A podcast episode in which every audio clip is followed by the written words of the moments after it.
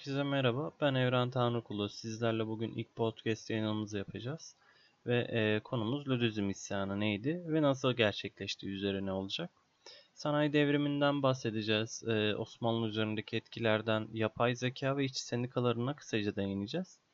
Sanayi devrimin tanımı e, insan ve hayvan gücüne dayalı üretim tarzından makine gücünün hakim olduğu üretim tarzına geçiştir. E, peki Osmanlı'daki etkisi neydi? Geleneksel, geleneksel e, bir toplum olmasına rağmen e, sanılanın aksine yeniliklere her zaman açık olan Osmanlı İmparatorluğu makineye dayalı üretim konusunda da tereddüt yaşamamış ve bu alanda 18. yüzyılın sonlarından itibaren bizzat kendisinin öncülük ettiği ciddi teşebbüslerde bulunmuştur. Ancak e, bu kapsamda ekonomik ve sosyal olarak etkileri İngiltere'de yaşanan e, sanayi devrimi ölçeğinde olmamıştır. Peki Ludist isyanı neydi? Ludistlere göre 19. yüzyılın Robin Hood olarak adlandırılan Ned Lut olarak e, bahsedilen kişi hikayeye göre becerikli tekstil işçisi Ned Lut'un yaşadığı bölgeye getirilen iki otomatik dokuma tezgahının parçalara ayırmasıyla başlıyor. Dönemin İngiltere'sinde yaşayan tekstil işçilerin otomatik olarak dokuma yapan makinelerin işlerini ellerinden alacaklarından endişelenmişlerdir. Tekstil sektöründe yoğun olarak artan otomatik sisteme geçiş sürecinde işlerin ve e, işçilerin ve ailelerin üzerinde yarattığı yoğun endişe baskısı yüzünden yüzlerce insan bir araya gelip hayatları pahasına bir isyan ortaya koymuşlardır. Peki e, Luddite terimi doğrudan teknoloji karşıtı olan kimse şeklinde düşünülmeli midir? Hayır düşünülmemeli. E, bu benim tamamen şahsi fikrim teknolojiye dolaylı ya da doğrudan e, kişinin işini kaybetmesine sebep olmasından dolayı teknolojiye düşmanca yaklaşım şeklinde tanımlayabiliriz. Evet, e, biraz da yapay zekadan bahsetmek gerekir.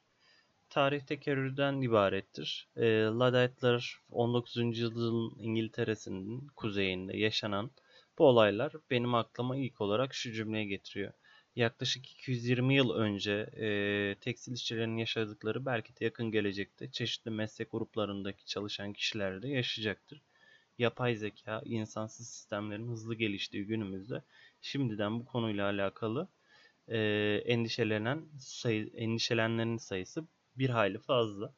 Şu an sosyal medya yöneticiliği aslında yeni bir meslek gibi gözükse de yakın dönemde belki de Böyle bir meslek olmayabilir. Sonuçta sosyal medya yönetiminde yapay zeka kullanımı oldukça yeni. Fakat e, fazla uzak olmayan bir gelecekte bence yapay zeka sosyal medya üzerindeki hakimiyetini ilan edebilir. Gelecekteki yapay zekalar hem kendi yaptığımız sosyal medya çalışmalarını hem de rakipleri kolaylıkla analiz edebilir. Geliştirilebilen yapay zekalar sürekli öğreniyor sonuçta. Dolayısıyla analizler sonucunda nasıl bir yol izlemesi gerektiğini gün geçtikçe daha hakim olma yolunda ilerliyorlar.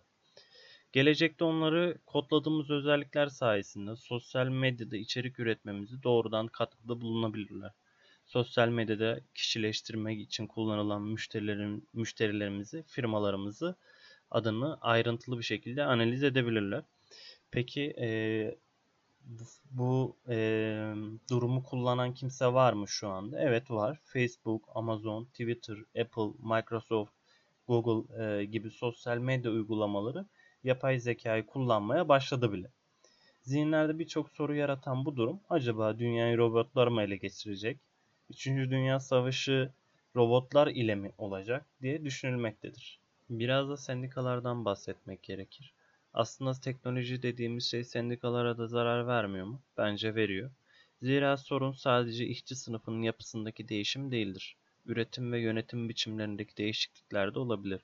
Kapitalizmin işçi sınıfını tehdit eden, korkutan en önemli aracı işsizliktir. İşsiz bırakmaktır. Aynı anlama gelmek üzere bir gelirden yoksun bırakarak aç bırakmaktır, yoksullaştırmaktır. Kısaca yaşam ile ölüm arasında tercihe zorlanmaktadır. Belki de e, net tutun yaşadığı durum bundan ibaretti. Yani sorun sadece buydu. İşsiz kalmaktı, yoksullaşmaktı. Beni dinlediğiniz için teşekkür ederim. Herkese iyi günler.